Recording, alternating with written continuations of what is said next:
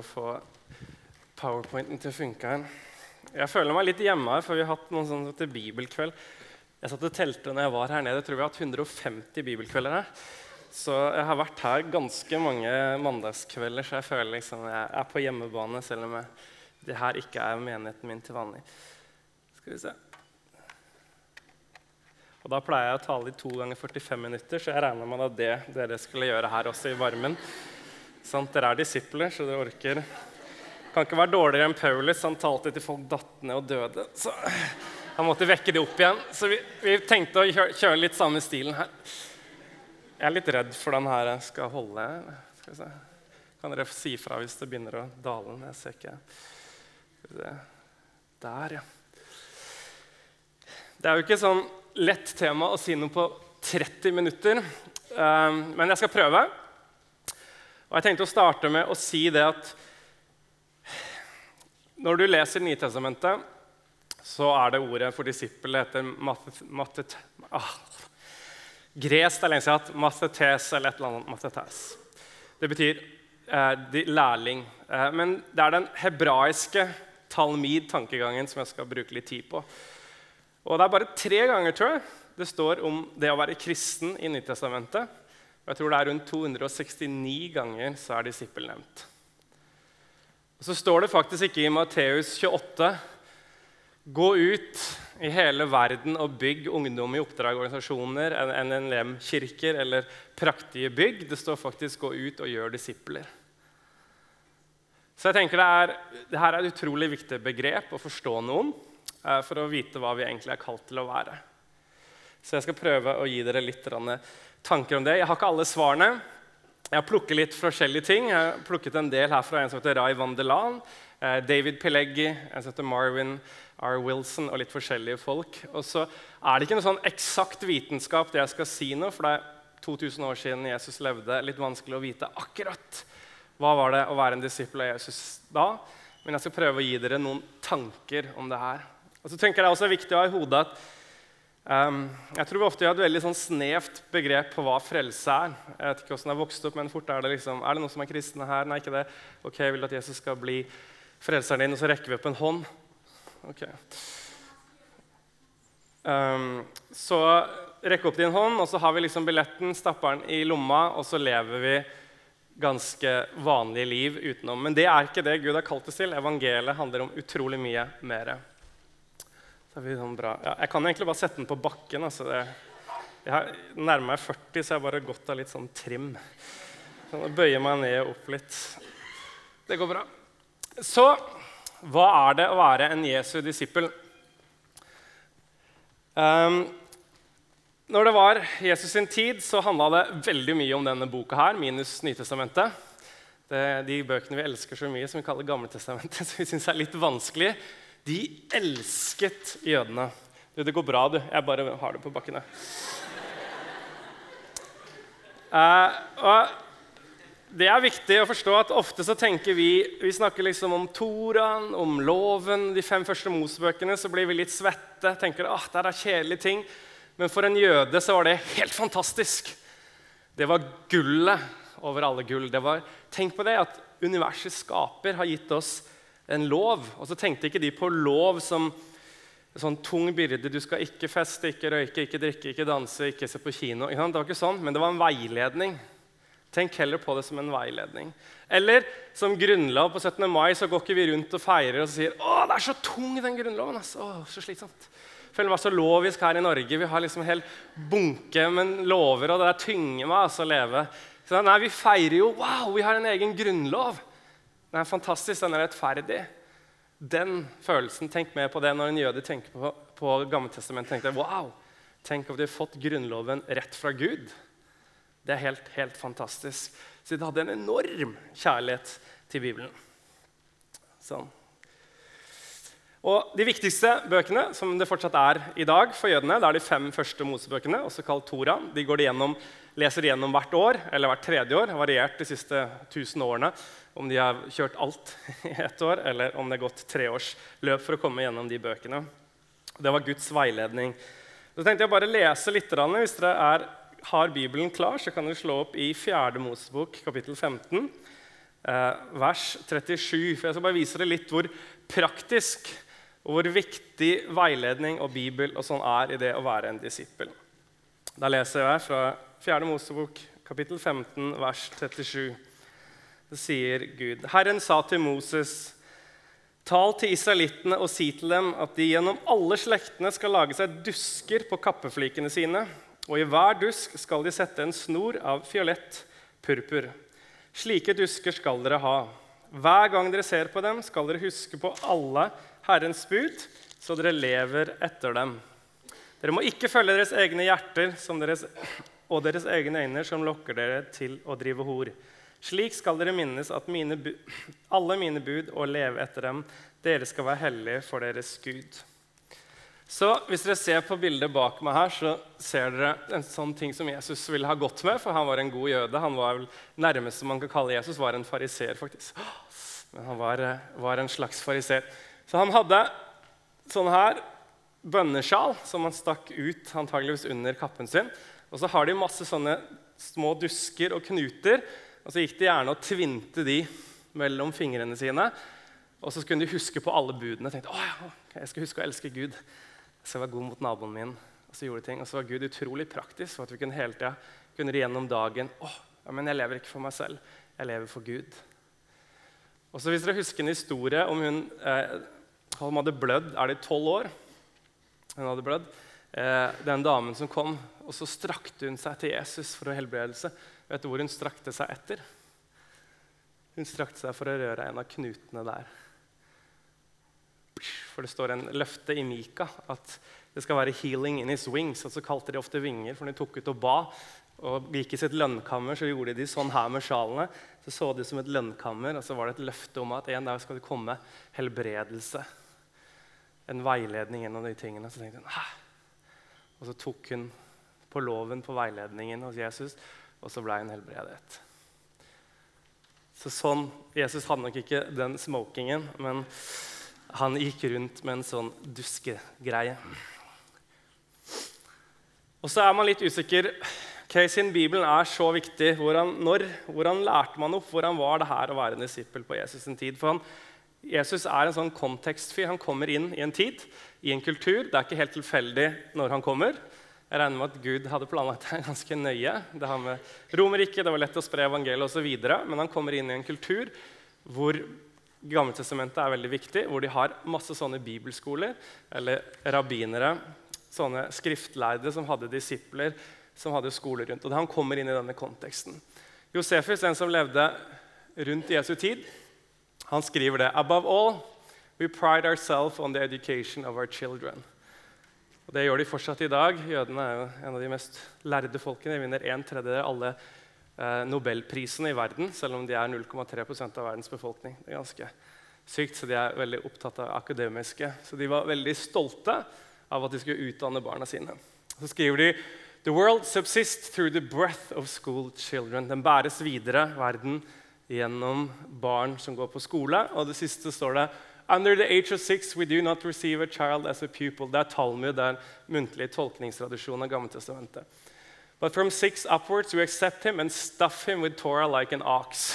Så er du under seks år, så bare lek og kos deg. Men når du blir seks, så bare kjører vi Gammeltestamentet inn, inn i munnen din og gjør det knallhardt. Så det her var rundt, De regner at rundt fem-seks års alderen så begynte jødiske gutter og noen jenter å studere Bibelen. Og du må huske på det også i moderne tid. Så Universitetene som oppsto på 1100-tallet osv. gjennom munkevesenet og eh, katolske kirke, så var det også teologi som var hovedfaget. Når det begynte å bli veldig mange som begynte å lese her i Norge, så var det for at man skulle klare å lese Bibelen. Så veldig mye av utdanningen både i jødisk tid og i moderne tid stammer fra at man skulle forstå denne boka her. Så man begynte på noe som heter Bet Sefer, Bokens hus. og Her er det ikke sånn eksakt vitenskap. Jeg har lest ganske mye forskjellig, men det her er sånn sirkus. Altså De starter ca. seksårsalderen. Og Da møtes de gjerne i synagogen, som var kulturelle sentrumet osv. Og, og så hadde de da en, en rabbiner, en skriftlærer, som skulle hjelpe dem. Eh, og Det første du gjorde da, den første dagen, da ville en rabbineren gått ut sånn Hvis jeg var en rabbiner nå, og dere var liksom seksåringer, så ville jeg gitt dere litt honning. Jeg skulle hatt noe honning her, ja, honning her, ja, honning her, og så, videre. og så ville jeg sagt 'spis den honningen'. Og så spiste de den, og på den tiden så hadde man ikke så mye godteri. Så det var jo fantastisk. Honning er noe nydelig. Så sa de 'slik skal Guds ord være'. Så spesielt, så vakkert, så søtt. Så det første en jødisk gutt og jente vil lære seg, at noe av det beste som fins, det er Guds ord. Og så begynte de med harde arbeidet, og de regnet med at de skulle ved endt skolegang etter ca. fire år så skulle man kunne de fem Mosebøkene utenat. Er det noen som kan det her? Er det noen som er i nærheten? Nei, Så det var tiåringer da, kunne mye mer om Gammeltestamentet enn det du og jeg kan. Og en jøde, hvis du var religiøs. Og det var de fleste. Og så var det kun sånn, det var ikke sånn sosialdemokratisk ting alle skal med, som Arbeiderpartiet snakker om. Her var det de beste av de beste som gikk videre. De som var veldig flinke, de fikk fortsette.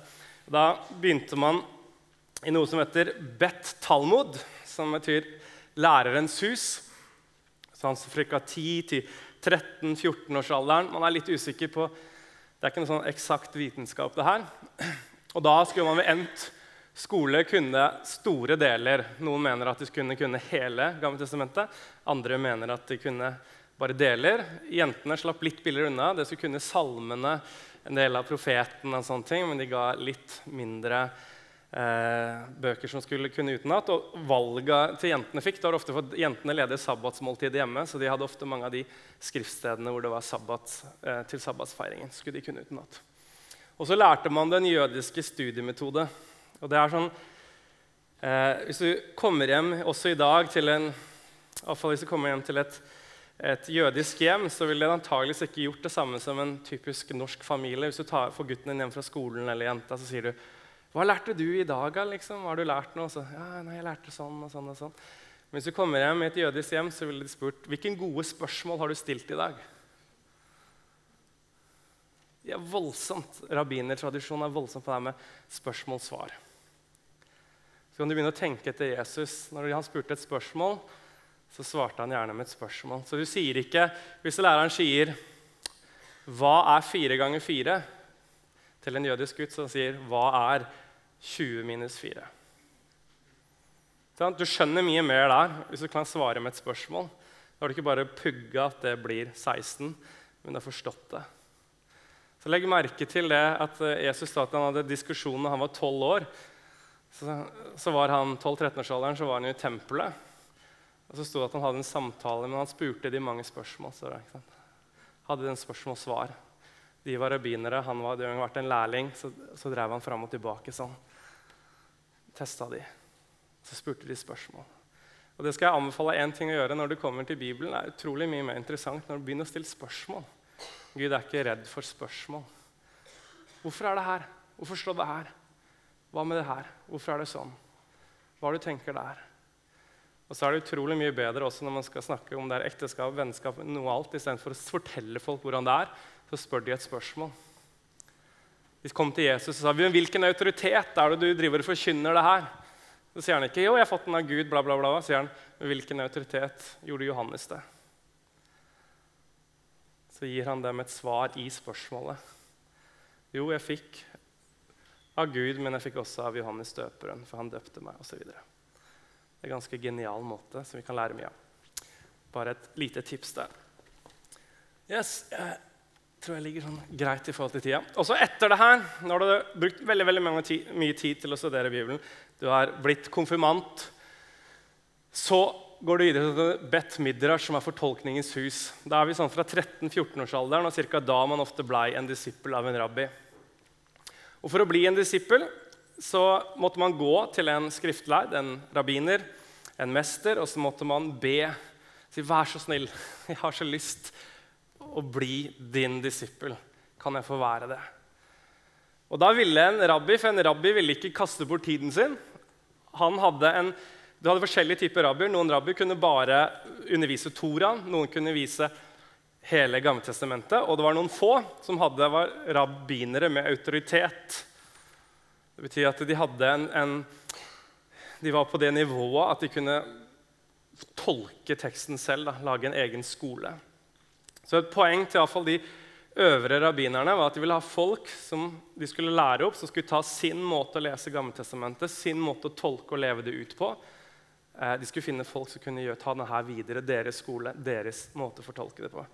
Og Da ville de jo ikke ha hvem som helst, så da hadde de sies det, sånne lange avhør på flere timer med disse her. Så da hvis du kom inn så, 'Å, jeg har så lyst til å være disippel', så sa han ok, så ville komme rabbineren si, 'Hvor mange ganger står det om brønner i fem Mosebøkene?' Ok, Så måtte de begynne å ramse opp, og da hadde de ikke vers og kapitler. og sånn, ikke sant? Da leste man gjennom hele her. Og så kunne de ofte nevne det, sånn som Jesus gjør også. Hvis du legger merke til det, så svarer han ofte med et vers. For eksempel, når han er på korset, så sier han 'Min Gud, min Gud, hvorfor har du forlatt meg?' Og så det, refererer det til salme, en hel salme. Så mente ikke Jesus bare det, men hvis du leser hele salmen der, så er det en helt sinnssyk profeti om alt hva som skjedde med Jesus på korset. Og Sånn drev de rabbinerne. De kunne si et vers, og så mente de ikke det verset, men de mente teksten før og etter. Og så forventa de at da denne disippelen som ville bli disippel, da skulle svare med et lignende vers et annet sted. Og så mente ikke denne disippelen egentlig det, men det som sto over og under. og det skjønte jo rabbineren, og Så skulle han svare igjen med et nytt sted i Gamle Testamentet. Og så kunne de holde på to-tre timer og sjekke ut. Hvor godt kan du Gammeltestamentet? Har du giddet å studere? Har du giddet å jobbe med det? Har du en virkelig kjærlighet? Hvor mye er det som er innabords? Og så holdt de på sånn timevis. Og hvis du til slutt kom gjennom testen, så sa de ok, da kan du begynne å følge meg. Nå kan du få være med meg. Og så var det noe å ta på seg en rabbiners åk. Hvis du ser I Matteus 11 så står det til slutt så sier Jesus at min, den som kommer og følger meg, skal, jeg har et lett åk å bære. Det, være, jeg har, det, er ikke så stor byrde.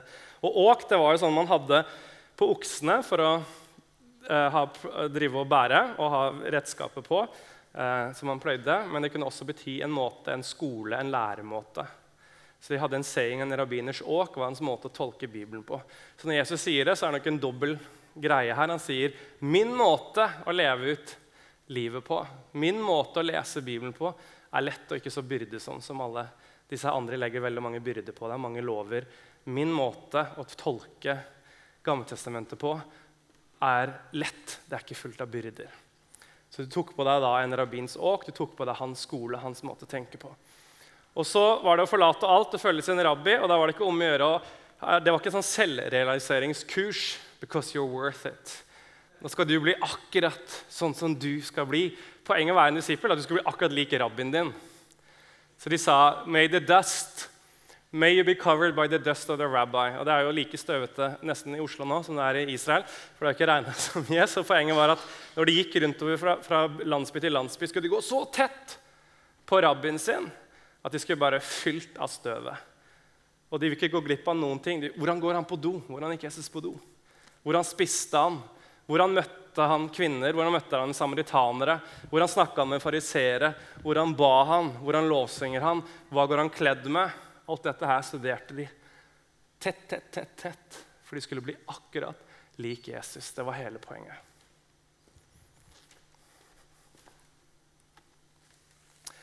Og så var det jo en kjempestatus å få være en talmid, en disippel. Du må huske at det, Jerusalem og Israel på denne tiden her var ikke et sånn sekulært samfunn.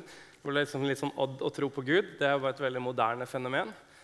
Det var et veldig veldig religiøst samfunn, så noe av det største det kunne bli, det var å være en disippel til en stor rabbi. Det er som om ikke sant, i dag du får lov til å bli trent av Messi eller Ronaldo eller Zidane. Wow! ikke sant? Alle bare, wow, fikk du være med han? Kom du inn av en av de store rabbiene, så var det liksom Wow!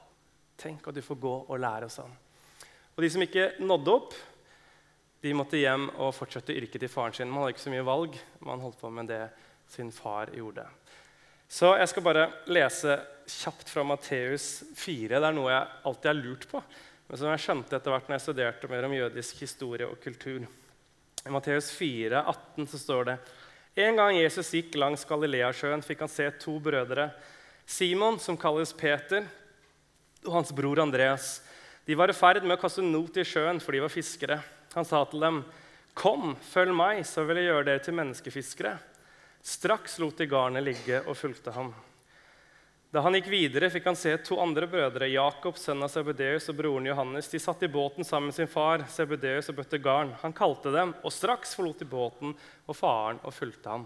Så jeg tenkte liksom Hvorfor bare forlot de alt og fulgte Jesus? Det virker som de bare Det var ikke engang en tanke som ble tenkt. Det var sånn Yes, jeg går, her. Og så stakkars faren jeg har tenkt mange ganger, som bare, sønnene bare forsvant.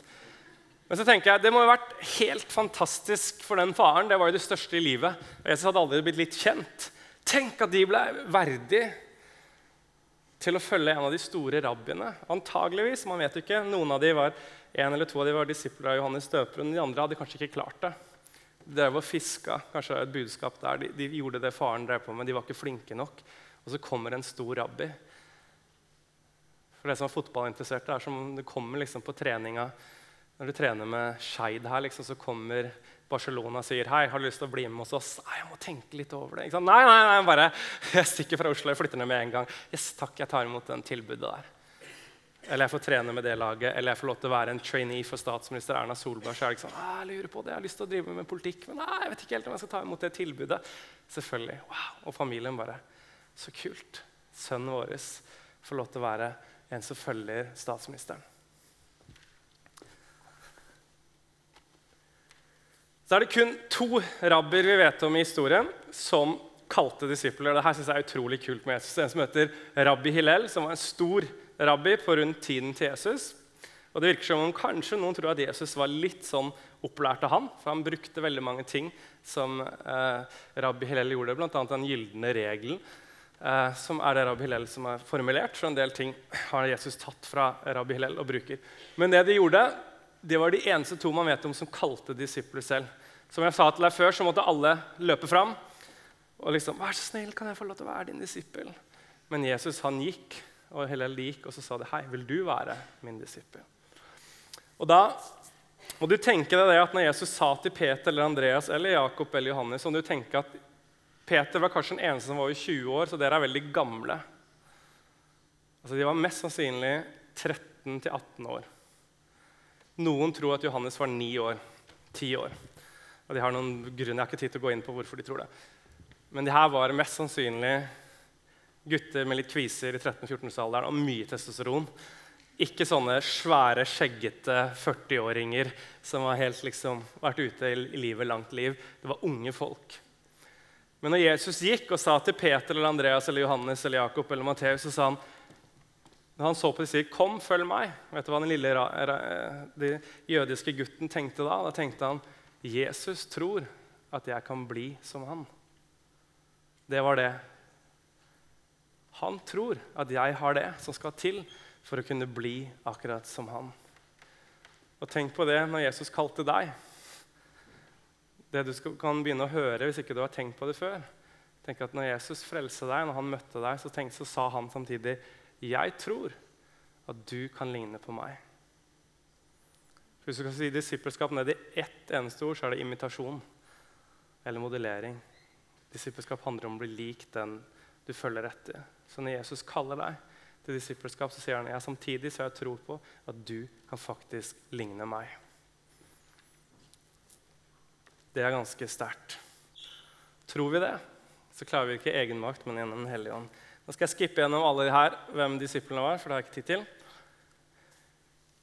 Men Bibelen gir oss ikke noe detaljert liksom, sånn oppskrift. og det er jeg litt glad for også. Liksom, hva vil det si å være en disippel? Bla, bla, bla, bla, bla, bla. Men det gir oss et par ting. Det handler om å følge Jesus og ikke omvendt. det er veldig på. Ofte så lever kristenlivet sånn jeg bare gjør min vei, og så bare ber jeg Gud velsigne meg. Da er du ikke en disippel. Hvis du er en disippel, så følger du Jesus. At du går der hvor han vil du skal gå. Du går ikke der du vil gå. Og så sier Jesus, 'Følg etter meg'. Jesus var sjefen, han var rabbien. Han var den som bestemte hvor de gikk, og så fulgte de andre etter ham. Det betyr at Jesus må være herre i våre liv. At han er konge, at vi aksepterer at Gud det er du som har skapt alt. Det er du som har skapt verden. Det er du som er universets midtpunkt. Vi ønsker å følge deg fordi vi tror faktisk at du vet bedre enn oss. At du kan mer enn oss, at du elsker mer enn oss. Så jeg er veldig opptatt av det at det handler om hele livet og ikke deler av livet. Det er ikke sånn ok, La oss ta en bibelskole på seks måneder eller ett år, og så nå kan jeg leve livet sånn jeg vil. Eller at det handler om Det å være disippel handler om hvordan du står her oppe på scenen, hvordan du underviser, hvordan du ber. Men Gud er opptatt av alle deler i livet, fra du går på do, til sexlivet ditt, til leksene, til studiet ditt, til alderdommen din, til hvordan du ser ut, til hvordan du kler deg. Gud bryr seg om hele deg. Og Disippelskap det handler om å bli lik Jesus på alle mulige områder og gi han ære med alle tingene, også når ingen ser deg. Vi må gjøre disippelskap. Det handler om hele livet. Alle ting hele tida. Det er ikke sånn du slutter å være disippel, og så begynner du litt igjen. så er det bra de som skal til Japan her. ikke sant? Jeg håper Det ikke sant? Det handler om hvordan man spiser, fellesskap, måltid osv. Blant annet måltid var ekstremt viktig. ting. Disippelskap handler om hele mitt liv. Og tåler det dagens lys? ikke sant? Det er litt av spørsmålet. Det er ikke alltid like lett. Men det er det som handler om integritet. At Joakim er den samme når ingen ser meg, eller bare familien min ser meg, når jeg står her oppe. Ellers så har jeg ikke så mye å si. Så handler det ikke om å leve perfekt, men det handler om å gjøre opp når man bommer. Det er David et eksempel på. Og så må vi, trenger vi Den hellige ånd. Vi er helt ute av stand. Disiplene hadde gått tre år med Jesus. De hadde sett han gjort alt, og så satt de og var redde og fikk ikke tilgjort noen ting før Den hellige ånd falt på pinsedag. Og så plutselig våkna Peter i kraft av Den hellige ånd, og så fikk de se 3000 nye disipler på én dag. Så mange har litt forskjellige inntrykk av en hellig ånd. Hellig ånd er, en, er Gud. Han er en fantastisk person. Jeg har også opplevd folk prøve å dytte meg. Jeg har En kompis av meg, så jeg husker jeg en predikant prøvde liksom Kjørte fingeren i her og prøvde å liksom, få han over ende. Liksom, Don't resist the Holy Spirit. Og min venn sa It's not the Holy Spirit I'm resisting, it's you. så det er, Mange har gjort mye dumt i Guds navn, men ikke la det ødelegge deg. Helligånd er en gentleman. Han er god han er en som trøster oss, og han er også hellig. Vi trenger Guds kraft i vårt liv. Han er like mye Jesus og Gud. Altså Han er like mye Gud som Jesus og Faderen. Så ikke la oss hoppe over det. Jeg jobber eh, som sagt, i Ungdom i oppdrag. og har fått, Jeg prøvde å spørre Gud for, for, visjonen han ga meg. Jeg sa Jesus, Nei, jeg sa ikke Jesus. Han, Joakim. Viktig at, at, Jeg tror ikke jeg er Jesus, også, bare for å si det. Uh, men men det er så mange eksempler på fulltidsmisjonærer. Jeg har vokst opp med veldig mye av det, og det er kjempebra.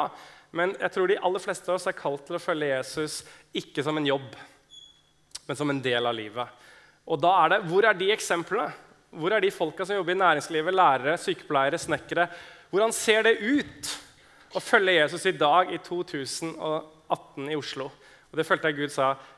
Prøv å finne ut det, Joakim. Og det er ikke så lett.